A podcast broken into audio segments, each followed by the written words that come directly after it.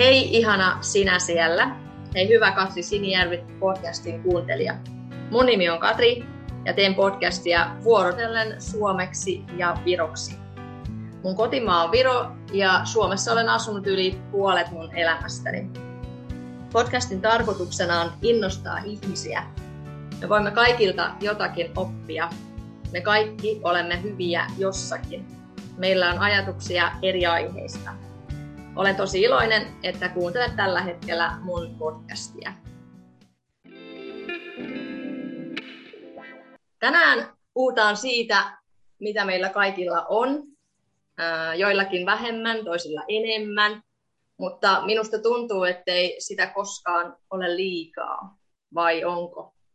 Aiheena tänään on raha, eikä pelkästään. Rahan ympärillä pyörii monia asioita. Rahaa tulee, rahaa menee, mutta olisi hyvä, jos rahaa menisi myös säästöön ja miettisimme vähän tarkemmin meidän kulutustamme. Olen todella otettu, että minun vieraanani on henkilö, joka Instagramissa käyttää nimeä Tarkan Markan Muija. Tervetuloa podcastiin. Kiitos. Moikka. Eli olet myös nimeltä Tuuli. Joo, mä oon Tuuli. Tuuliviiri. Ja, no niin, ja mä löysin sut Instagramissa Tarkan Markan Muija Insta-tili, ja sen takia on pyytänyt sua tänne, että puhutaan tänään vähän niin kuin rahasta tai säästämisestä, ja mua, mua niin kuin kiehtosi just sun se Insta-tilin semmoinen, siinä on semmoinen vähän niin kuin esittelyteksti, että sä just vähän niin kuin arjen tilanteisiin kiinnität huomioon, huomiota, että miten, miten säästää ja miten tehdä parempia valintoja, niin sen takia mä halusin sut tähän mun podcastiin. Niin, mi, muistatko, mikä fiilis sulla oli, kun sä sait mun sähköpostin? No itse asiassa sähän olit pyytänyt mua jo aikaisemmin joskus podcastiin vieraksi. Silloin mua alkoi jännittää. Mä olin silleen, että onko mulla mitään annettavaa. Ja sitten mä tekin vähän niin kuin, jätin sen niin kuin sille ihan vaan roikkumaan sen koko asian. Ja sitten kun sä laitoit toisen kerran viestiä, niin sitten sit mä olin että no kyllä mä, niin kuin, joo, kyllä mä tähän niin kuin haluan lähteä. Ja en mä tiedä, onko mulla vieläkään kauheasti annettavaa, toivottavasti, mutta tota, innoissani olin ja, ja tota, mä, mä oon tosi otettu, että pyysit minua tähän.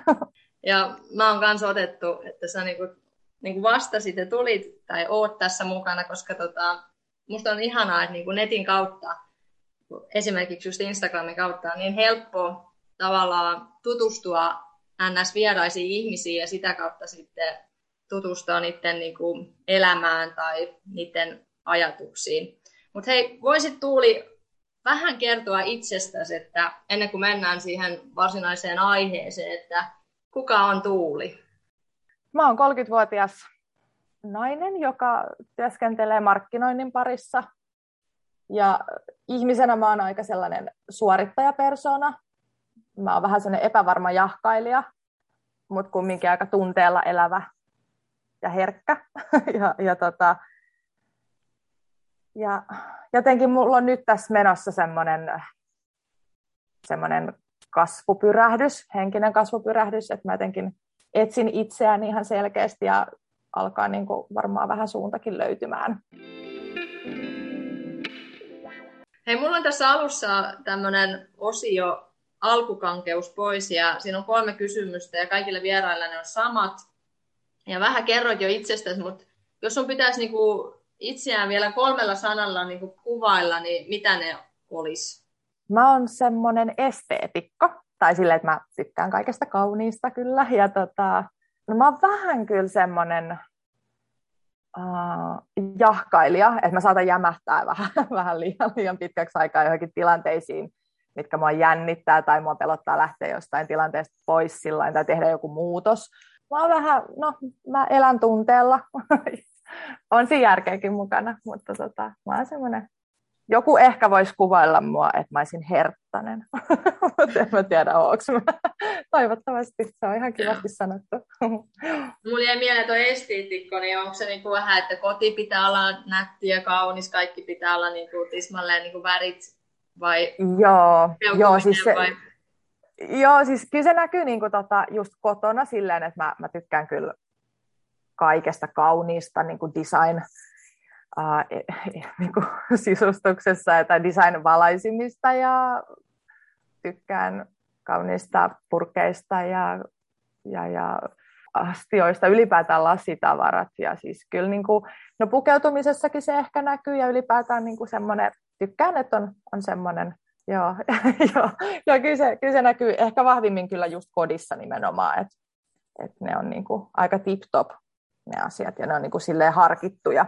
No mi- miten kommentoisit sitä, että niinku itsestään pitäisi niinku kertoa tai kuvailla itseään kolmella sanalla? Oliko se sun mielestä helppoa vai vaikeaa? Se on tosi vaikeaa, koska mä huomaan, että mä lähden niinku, mä jotenkin, mä en osaa kertoa itsestäni ehkä niin kauhean silleen kauniisti. Mä lähden niinku heti kertomaan semmoisia niinku vähän, että just, että mä oon epävarma ja mä oon, mm. mä oon jahkailija ja mä oon suorittaja ja onhan niissäkin omat semmoiset hyvät juttunsa, mutta ei ne ole ehkä niitä semmoisia parhaimpia piirteitä, että just, että voisin kyllä niin kuin, on, on se vaikeaa kyllä jotenkin alkaa itseään kuvailee. Ja, ja on, tota... just niitä niin kuin, vähän niin kuin kehua tai positiivisia niin. sanoja, enemmän tulee sellaisia, että missä voisi kehittyä. Joo, sitä just, joo. Mutta hyvin, hyvin, hyviä sä keksit. Hei, kakkoskysymys olisi, että miten sun tämänpäiväinen aamu alkoi? No, tota, siis aika siis kiireen merkeissä, mikä on, mikä on tosi huono juttu, koska siis mulla on kesän aikana tullut semmoinen ihan uusi aamurutiini, ja mä en tänään suorittanut sitä semmoista mun, mun tyypillistä aamurutiinia, joka on oikeasti sellainen, että mä yritän vältellä puhelinta, että mä siis sen verran otan puhelimen aamulla käteen, että mä laitan joku rauhoittavan musiikin soimaan ja sille, että mä heräilen rauhassa, mä ehkä vähän harjoittelen tietoista läsnäoloa, venyttelen ja yritän ottaa sen just silleen, että mä en olisi niin silleen stressissä koko aika siinä, että, että mä en kattoisi kelloa ja roikkuisi puhelimessa ja kattoisi heti niitä sähköposteja. ja, ja sellaista. Mutta tänä aamulla mulla olikin vähän sitten semmoinen jotenkin haipakka aamu siinä. Joo, se, se jotenkin, se vaan meni se aamu. Mutta tänään on ollut kyllä vähän haipakka päivä muutenkin, mutta et, et se on ollut ihan tota, joo, aamuisin mä kyllä pyrin nykyään niin kuin rauhoittumaan. Sillä on ollut semmoinen hyvä vaikutus muuhun. No onko se silleen, että kun se niinku, no, puhelin herättää sut kuitenkin, puhelimessa joo. herätys, niin sä joo. laitat sen herätyksen pois, niin laitatko sen puhelimen, puhelimen ja no, niinku kauas pois, kauan sä yrität olla niinku, ilman sitä? No kyllä mä melkein yritän olla itse asiassa siihen asti, että mä lähden ovesta ulos. Että mä, mulla on ollut semmoinen ihan outo tapa, että mä oon aamuisin aina niin kuin mun aamurutiinien yhteydessäni just katsonut vaikka jotain sarjaa. Jotain siis ihan hömppäsarjaa. Et, et mä niin kuin, tai YouTube-videota tai semmoista periaatteessa, että niin kuin, siinä on koko aika jotain muuta. Et esimerkiksi se, että mä en, mä en juo kahvia rauhassa tai mä en meikkaa rauhassa. Mä en niin keskity siihen yhteen asiaan, vaan mulla on joku ihme multitasking-meininki. Ja aamuisin mä sitten pyrin just siihen, että kun se kello herättää mut, niin mä sen verran sitten kopeloista puhelinta siinä, että, että mä laitan musiikin soimaan. Et, et tota, ja sitten sit puhelin saa jäädä niin kuin yöpöydälle ja sitten mä alan niin kuin just menen, menen joogamatolle ja vähän venyttelen ja herättelen itseäni sillä ja no toi on just tosi hyvä, että tuliko, oliko sulla joku niin kuin elämässä joku juttu, että sä niin kuin koit, että se on liian raskasta, jos sulla on hälinä tai sä katsot jotain sarjoja. Miksi teit näin? Joo. No siis mä huomasin, että mä en keskittynyt asioihin. Että mä niin kuin saatoin, kun just tekee monta asiaa samaan aikaan, niin, niin mulla tuli semmoista, että, että mä en niin kuin tiedostanut kaikkea, mitä mä teen. Että mä vaan niin kuin tein, ja sitten mulla saattoi tulla jossain kohtaa, kun mä lähdin jo kävelemään töihin, niin mä olin silleen, että onko mun ovi kiinni? Onko mun, onks mun jääkaapin ovi kiinni? Onko mun hana auki? Onko mun, onks mun kahvinkeitin päällä? Siis kaikki tämmöisiä juttuja, että mä niinku et nyt mä huomasin, että, mun on pakko niin kuin enempi keskittyä siihen, mitä mä niin kuin siinä hetkessä teen. Ja sit se, se nautinto, pitää, niin kuin... nautinto siitä aamusta on paljon isompi, sit, jos oikeasti on siinä, näet sen kahvin valuvan tai juo, juot sitä, niin se on niin kuin... Joo. Mutta onko se edellinen, edellinen niin kuin ilta, mietitkö sen jo tarkkaan, että niin kuin edellisellä illalla, että mitä sä niin kuin aamulla syöt, teet, laitat päälle? Joo, kyllä mulla on iltarutiineissa aina semmoinen tapa, että mä lataan kahvinkeittimen valmiiksi. Se on niinku semmoinen, mistä mä en ikinä varmaan tule tota, taipumaan muualle, mutta tota, se on niinku, mä pyrin tekemään sen aamun itselleni aika helpoksi ja just sellaiseksi kiireettömäksi. Ja, ja tota, joo, iltasin, iltaisin mä vähän jo lähden miettimään sitä seuraavaa päivää sille ajatuksen tasolla, että mitä huominen tuo tullessaan ja millainen päivä on, missä pitää olla, pitääkö huomioida vaatetus jotain tietyllä tapaa, voinko mennä pyörällä, menenkö kävellen, tai jotenkin, että mä mietin jo vähän valmiiksi, ja sitten aamulla siinä, kun mä venyttelen, niin, niin sitten mä vähän vielä uudestaan niin kelailen sitä, että mitä se, mitä se kyseinen päivä sitten tuo tullessaan. Kolmas kysymys tästä alkuosiosta olisi, että mistä sä oot innostunut tällä hetkellä? Mä oon tosi innostunut siitä, että mä ihan oikeasti niin kuin teen tämmöistä läsnäoloharjoitusta, just nämä mun aamut. Ja, ja jotenkin, mä yritän harjoitella semmoista itsemyötätuntoa myöskin, että mä en olisi niin kauhean, kauhean syyllistävä itselleni. Ja, ja semmoista. Mä oon tosi innoissani siitä, että mä oon nyt jo, jo 30-vuotiaana oivaltanut tänne, että, että voi olla myös itselle aika lempeä.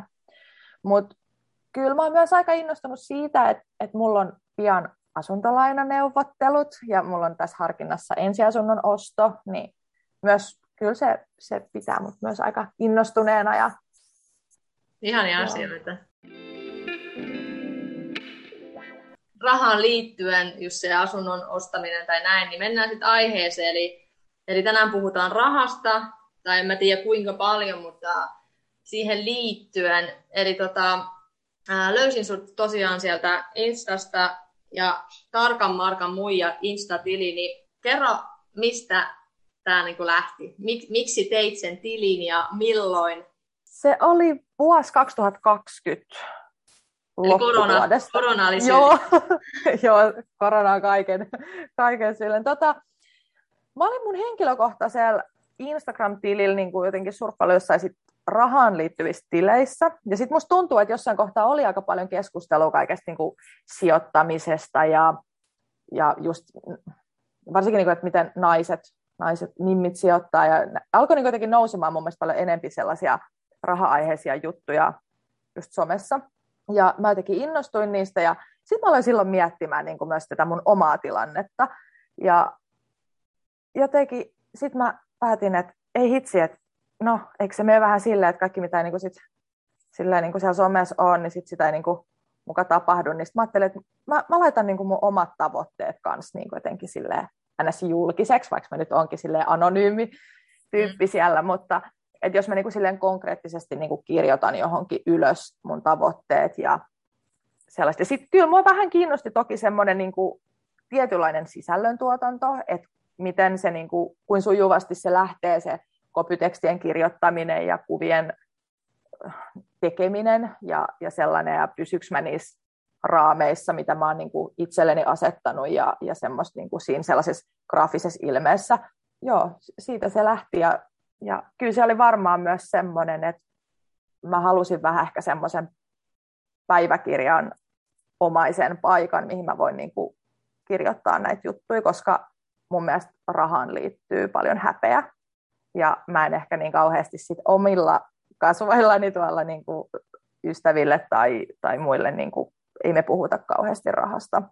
Niin mä halusin paikan, johon mä voin sit purkaa semmoisia häpeän tunteita ja sitten toki toi, että sieltä saa ihan hirveästi hyviä vinkkejä ja vertaistukea muilta. Semmoinen paikka, että sinne on jotenkin kiva kirjoitella ja lisätä kuvia, pyrkiä tekemään hyvännäköistä sisältöä miten sulla on niin kuin lähtenyt se käyntiin, tai miten tämä vuosi on niin kuin mennyt, tai vajaa vuosi, että kuinka paljon sä oot saanut niin kuin kommentteja, jotain viestejä, miten tota, on reagoitu? Tosi hyvin, siis aivan ihana. Mä otin itse asiassa jossain kohtaa niin kuin ihan semmoisen tietoisen someloman niin kuin omasta tilistäni, ja käytin niin kuin pääasiassa pelkästään tarkan markan muija tiliä, koska mä, jotenkin, mä olin niin ihastunut siihen meininkiin, miten, miten tota siellä ihmiset uskaltaa kommentoida ja, ja jotenkin lähestyy paljon helpommin. Että sitten taas se, mitä niin kuin, vaikka mun omassa henkilökohtaisessa Instagram-tilissä, niin ei se ole niin semmoista samanlaista, että ei siellä, niin kuin, ei siellä tule sille hyviä keskusteluja. Ja mä saan paljon enemmän irti tuosta tarkan markan tilistä ja mä myös itse tykkään kommentoida niin kuin, muijana siellä sitten, että mutta hyvin se on lähtenyt ja, ja tota, mulla oli kyllä tuossa jossain kohtaa semmoinen, oli semmoinen vähän pidempi tauko, että mä en laittanut sinne mitään. Ja sitten se kynnys kasvoi. Sitten mä olin silleen, että apua, että kehtaaks mä enää ikinä laittaa tänne mitään, että on, muistaaks mua kukaan ja, ja että mitä mä nyt laitan, miten mä rikon tämän radiohiljaisuuden ja näin. Mutta et, et, hyvin se on lähtenyt ja sitten mä, joo, kyllä mä pyrin sitä sille säännöllisen, epäsäännöllisesti päivittämään.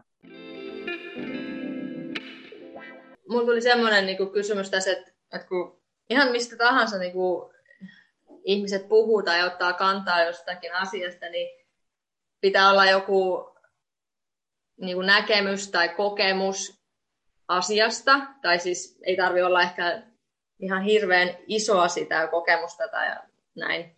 Mutta tota, onko sulla niinku rahasta jotain, niinku, minkälainen suhde sulla on siihen rahaa? Onko sulla niinku, onko opiskellut, miten säästää tai mitä kautta niinku, mit, mitä raha niin kuin merkitsee ja hirveästi kysymyksiä, mutta Joo. mitä mä niin kuin ajan takaa.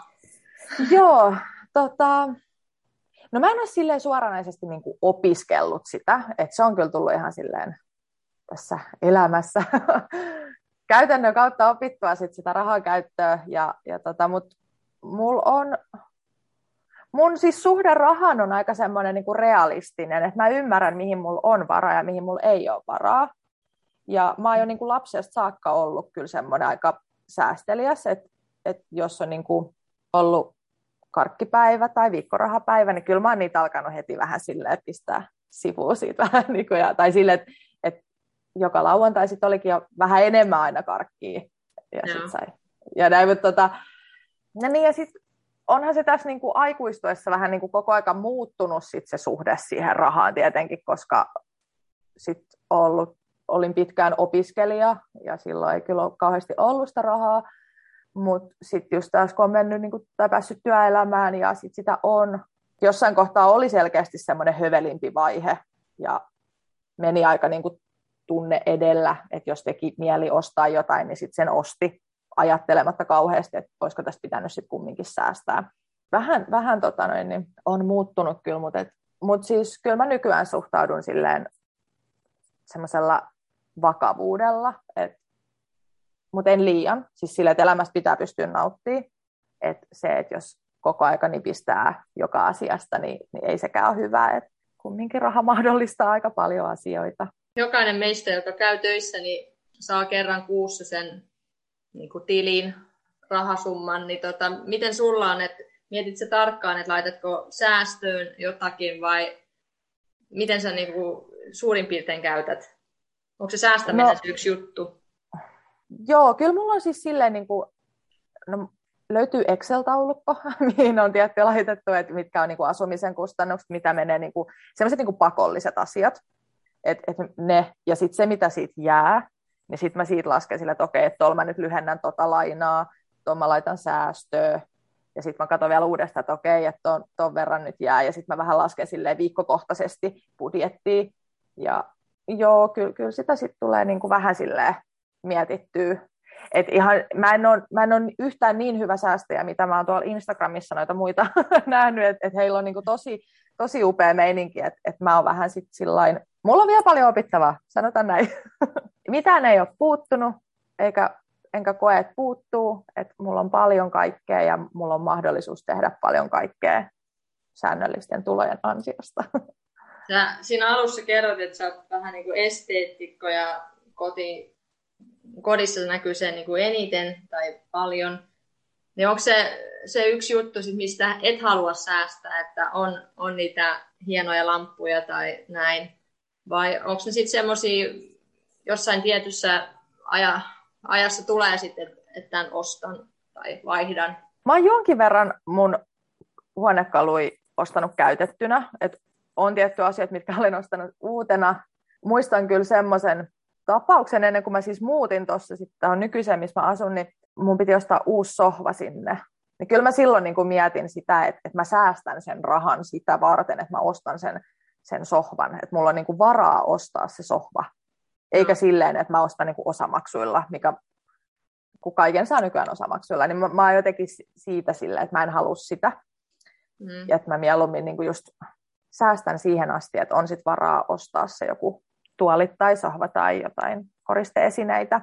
Mutta kyllä mulla myös näkyy se paljon, niin kuin, että mä ostan käytettynä. Mä oon myös aikamoinen torimuija, että kyllä mä niin kuin tori.fiissä on paljon ja, ja sillä myös mietin vähän sillä ekologisestikin. Mutta kyllä se joo, kotona, kotona näkyy joissakin kynttilän jaloissa ja, ja purkeissa. Joo, sitä ekologisuudesta, niin mun mielestä oliko sun uusin postaus siinä, kun sä veit omia vanhoja vaatteita johonkin kiertoon. Joo.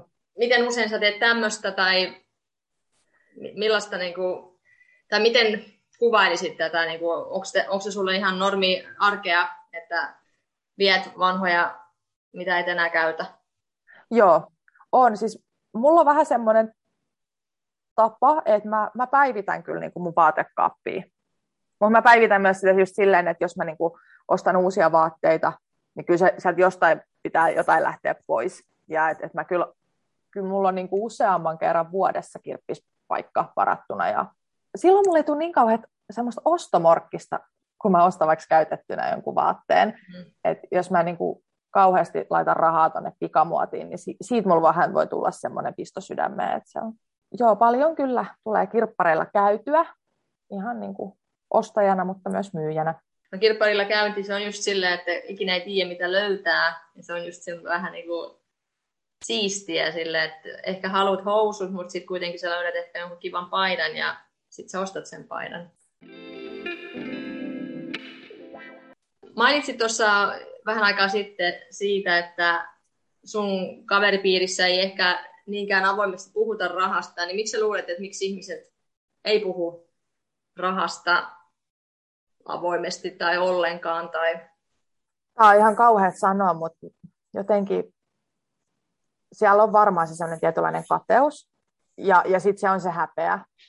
Et ihmiset, joilla on niin, kuin, niin sanotusti pinkka kunnossa, niin ne saattaa niin kuin vaivaantua sit siitä, että et heillä on ja jollain toisella ei ole, niin sitten vähän ehkä sitä sille himmaillaan, että siitä ehkä halutaan hirveästi puhua, koska joku voi, ehkä myös, joo, ihmiset on silleen, pelätään just sitä reaktioa, että mitä jos tuolla tulee nyt paha mieli siitä, kun mulla on ja toisella ei ole. Mutta sitten on myös se semmoinen häpeä homma, että et, et se on jotenkin semmoinen ihme tabu kyllä, että et, et jos ei ole rahaa, että ei ole varaa tehdä jotain tai ei ole varaa mennä johonkin tai jotain sellaisia, niin, niin siitä otetaan hirveät paineet ja sitten sit eletäänkin yli varojen herkästi. Mutta musta tuntuu, että se on vähän niinku semmoinen myös taitolaji, että niinku miten, miten sä osaat sitä rahaa käyttää. Et jos, kaikki, jos kaikki vaikka sais 100 euroa kuussa, että ei kaikki osaa käyttää sitä rahaa samalla tavalla. Et se on vähän niin kuin just, että jo, joillakin on enemmän kokemusta ja jotkut haluaa just laittaa säästöön, toiset heti käyttää sen pois. Jos kaveripiirissä onkin joku sellainen, joka niinku ei ehkä tienaakaan niin paljon, mutta osaa käyttää sitä hyvin ja laittaa myös säästöön, niin sitten se, joka ei niinkään laita säästöön, niin sit se just voi olla sitä kateutta.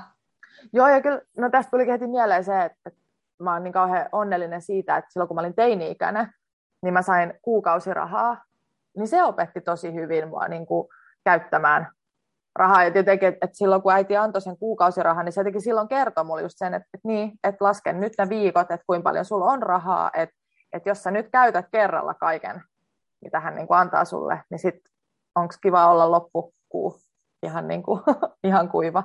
Et, et mä oppisin jo niin kuin teini-ikäisenä sen. Et se oli silloin tosi helppoa, sit, kun mä muutin omilleni 18-vuotiaana, niin mä ymmärsin sen, että se raha tulee kerran kuussa ja sit, sitä pitää osata vähän silleen niin kuin katsoa, että, että mihin käyttää. Että sitä ei voi oikeasti niin kuin bailata heti ekana viikonloppuna. Niin. Sä sanoit, että sulla on Excel-taulukko, niin kirjaatko se oikeasti ylös tosi tarkkaan, että mitä sä ostat, vai onko se suurimmat kulut vaan siellä Excelissä sitten?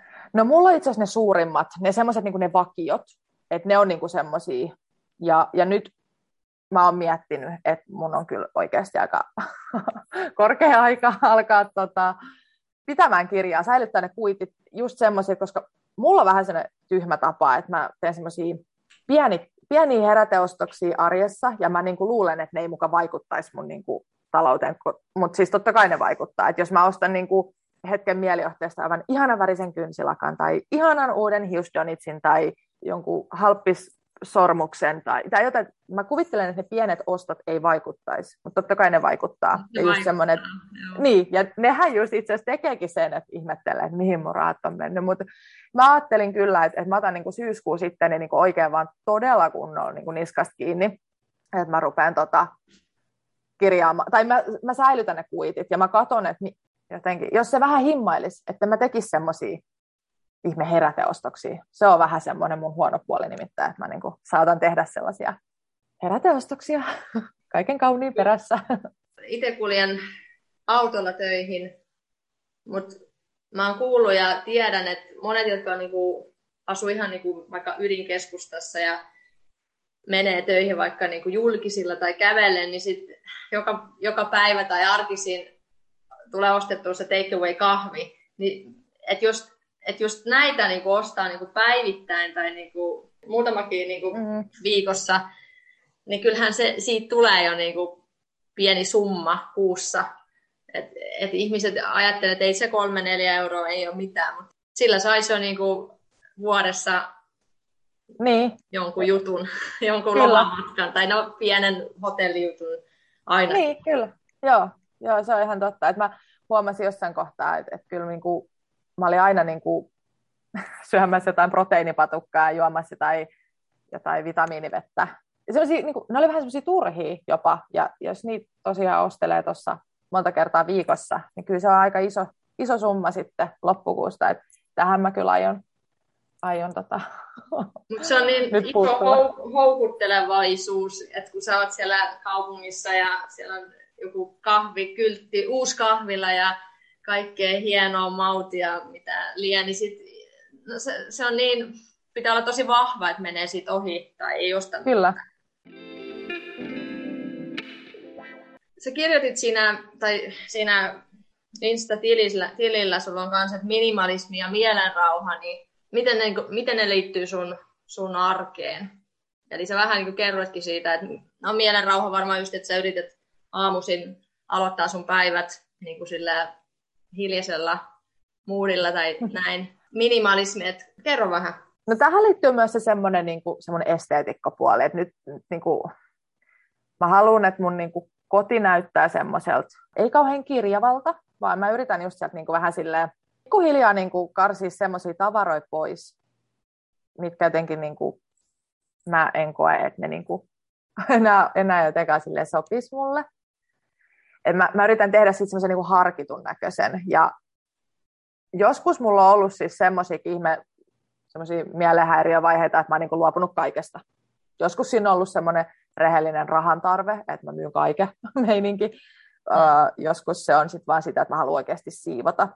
Mä haluan pois niin kuin semmoista, semmoista tavaraa ja esinettä, jotka niin kuin jotenkin stressaa tai, jotenkin niin kuin, ei tuota mulle iloa suoraan sanottuna. Et, et se minimalismi näkyy just sit sillä, että mä niinku teen mun kodista sellaisen harkitun näköisen. Siis se saa olla koti ja se saa olla kodikas, mutta ei siellä tarvi olla niin paljon sitä tavaraa. Ja sama siis, mä haen aika paljon vielä itseeni ja omaa tyyliä, mutta mä haluaisin ihan hirveästi saada semmoisen vaatekaappi-kokonaisuuden luotu itselleni, että siellä ei paljon ole vaatteita, mutta ne kaikki niin kuin matchaa silleen keskenään, että niissä luotuu monenlaisia asukokonaisuuksia. Et mä jotenkin koen, että vähemmän on enemmän. Kyllä se mielenrauha, se tulee just siinä, siinä mukana. Ja tähän mun liittyy semmoinen yksi tosi hyvä muisto viime vuoden elokuulta, jo suurin piirtein vuosi sitten, niin ennen kuin tuli nämä rajoitukset ja mä pääsin vielä matkustaan, niin mä otin todella edullisen lomamatkan itselleni. Mä lensin Kyprokselle ja No. Se oli neljän päivän reissu ja, ja mä päätin, että mä lähden pelkästään käsimatkatavaroilla. Ja se oli aivan ihana se tunne, kun mä pakkasin reppuun, vaan siis niin kuin ihan silleen, että mä laskin, että okei, että tolle päivälle toimekko, tolle päivälle toimekko, sitten alusvaatteita ja sitten bikinit, pieni tai pellava pyyhe, mikä menee pieneen tilaan. Sitten, niinku, siis mulla oli niin tosi vähän tavaraa mukana ja mä olin siis niin onnellinen. Niin. Koska siis mulla ei tullut missään kohtaa mitään sellaista vaatekriisiä, Mulla ei tullut missään kohtaa mitään sellaista, niin kuin, että mä huomasin, että mä olin jotenkin niin, kuin niin läsnä siinä tilanteessa, että mä en niin kuin missään kohtaa antanut semmoista, niin kuin, semmoista ajatusta, että, että, että pitäisikö mun näyttää joltain tietyltä. Kun... Sitten mä olisin, että ei, että mä oon niin kuin, ottanut nämä vaatteet mukaan ja näin mennään. Ja siinä, siinä oli jotenkin semmoinen, silloin mä niin kuin tajusin, että tämä tekee niin kuin hyvän olon, että vähemmän on enemmän. Mä itsekin kuuntelen The Minimalist podcast ja sitten niillä on Less is More, vissiin tullut Netflixiin semmoinen elokuva just minimalismista. Niin eihän se minimalismi ei tarkoita sitä, että sulla ei ole rahaa tai ihmisillä mm. ei ole rahaa, vaan se voi tarkoittaa, että sä käytät just niihin niinku, niinku laadukkaisiin tavaroihin tai esineisiin, mitkä niinku maksaa enemmän, mutta se ei tarkoita todellakaan sitä, että sä et halua käyttää rahaa niinku kotiin tai näin. Joo, sen on oppinut silleen, että satsaa niihin tiettyihin juttuihin. Et mä oon nyt just saanut tosi hyvin karsittua esimerkiksi jotain niin sellaisia kenkiä pois, mitä mä en käytä. Et nyt mulla on niin tietyt vakkari tota, tennarit, mitkä menee kaikenkaan, maiharit, mitkä menee kaikenkaan, sitten on muutamat urheilukengät, kumpparit. Ja, ja se, sille, että oikeasti niitäkään ei tarvi olla niin kauheasti niitä kenkiä. Ja, niin. ja sama ja lauku. niin, että et jotenkin, että satsaa just nimenomaan siihen niihin hyviin semmoisiin täsmätuotteisiin niin sanotusti, että silloin se, sieltä se niinku rakentuu sitten. Kuunteletko itse podcasteja, mitkä liittyy just niinku rahan säästämiseen tai tämmöiseen kulutukseen tai arjen valintoihin? No nyt mä en ole vähän aikaan kuunnellut, mutta mä oon kuunnellut sitä Julia Tureni aikoinaan ja se on ollut mulle kyllä semmoinen niin inspiraation lähde. Tai hän on ollut, ei se, vaan hän. mä muistan jotenkin semmoisen, niin että se on sanonut jossain, vai se kirjoittanut johonkin tai jotenkin, mutta se oli se, että älä osta turhaa paskaa. se oli niin kuin se semmoinen, ja sitä mä niin kuin yritän aina itselleni, niin kuin, että no tarviiko mä tätä oikeasti, no en tarvii, että ei tekisi just semmoisia niin ihan päättömiä ostoksia. Tähän miettisi, että ei ostaisi mitään turhaa. Ja, mutta nyt mä en ole kauheasti kuunnellut alan podcasteja tai niin kuin tähän rahaan tai säästämiseen tai sijoittamiseen liittyviä, että mulla on enempi ollut nyt kuuntelussa äänikirjat.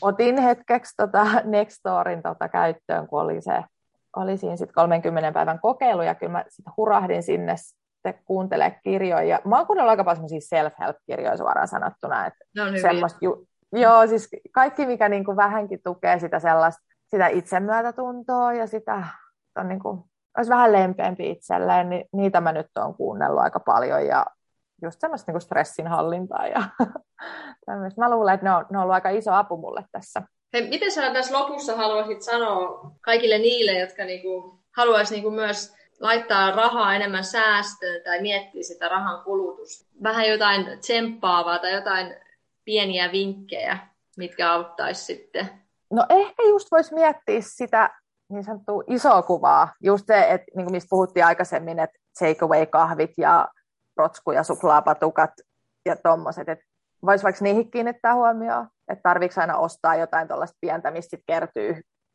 jo niin kuin aika isokin summa. Kyllä mä suosittelen miettiä myös sen, että tarviiko kaikki jostain aina uutena. Voi myös oikeasti tehdä todella hyviä löytöjä kirppareilta ja se on ihan ekologistakin. Ja sitten mä, mä suosittelen jokaista ihmistä seuraamaan hiukan niin kuin sitä ruokahävikkiä, ruokakuluja. Et, et ne on niin kuin, se on hurjaa, miten paljon ruokaa menee roskiin. Semmoista pientä niin kuin, tietoisuutta jokaiselle siihen. Et ei, se ei ole yhtään huono asia, että suunnittelee vaikka ruoka, ruokalistat itselleen viikoksi ja tekee sen mukaan ruuat ja harrastaa meal preppausta sillä lailla, että tekee sen, sen verran, ja, tai tekee ihan vaikka niin reilukin satseja ruokaa, sitä voi pakastaa ja pyrkii vaikka ostaa sit niitä punapilkullisia tuotteita, no ihan, ne menee muuten roskiin. Ja, ja sitten vaan ehkä vähän ottaa just semmoisen, niin kuin, ihan kun mä nyt kertoisin itse itselleni näitä ohjeita, että et olisi sillain, että ei ostele mitään turhan päivästä niin sanottu. Tai silleen, että vähän niin kuin, kun tulee se hetki, että mun on pakko saada toi, niin sitten vähän silleen, että himmailee niin kuin silleen, että vedä henkeä, puhaltele ulos ja silleen mieti, että niin tarviiko oikeasti, koska vähemmälläkin pärjää. Hei, hyviä vinkkejä. Mutta tässä loppuosiossa kyselen Virosta, tai ei liity mitenkään aiheeseen, ja kyselen kaikilta tämän saman, koska mä olen itse Virosta, niin mua kiinnostaa sun ajatus tai näkemys tai kokemus Virosta. Mitä, mitä haluat jakaa kuulijoiden kanssa? Uh, kehtaanko mä sanoa tänne, että mä en ole koskaan käynyt Virossa? Ei voi olla totta. Eikö sä käynyt? En. Siis, wow mä, mä asun semmoisessa paikassa, että mä pääsen tästä tosi näppärästi Tukholmaa, niin tota, mun ei, mä, mä en kestä. Siis Miten sä oot käynyt? Niin, mä, mä mietin sitä ihan. Siis tää on vielä ollut se, mä oon niin monta vuotta ollut se, että mä haluan kyllä mennä. Ihana sellainen Tallinnan reissu tai tällaisia. Tällaisia juttuja miettinyt paljon kyllä, että haluan mennä käymään Virossa, ja, mutta en ole saanut aikaiseksi. Mä en tiedä, miksi nyt se tuntuu niin jotenkin. Kaverit ja ystävät ei ole pyytänyt, vai eikö nekään ole käynyt vai, vai sulla on vaan jäänyt välistä? Mulla on vaan jäänyt välistä, koska kyllä mulla on siis ystäviä, jotka siellä itse asiassa taitaa käydä aika useinkin, mutta he asuu tietty Helsingissä, niin siitä on aika helppo, helppo mennä, mutta...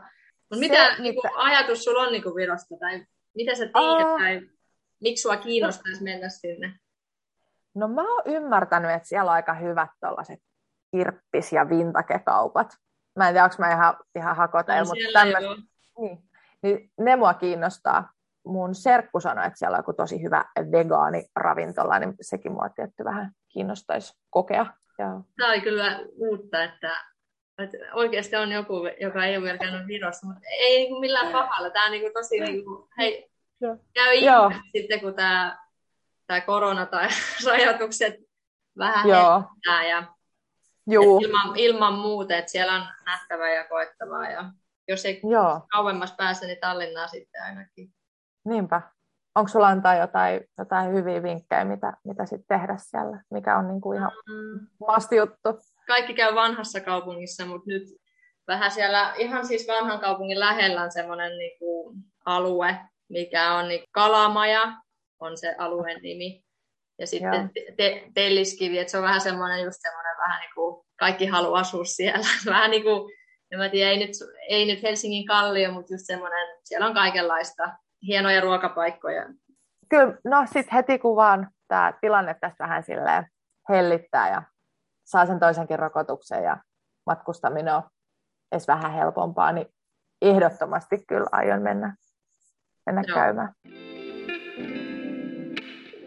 Hei Tuuli, ihana kun sä osallistuit tähän podcastiin. Ja... Mä oon hirveän iloinen tästä kokemuksesta. Kiitos sulle tästä. Kiitos.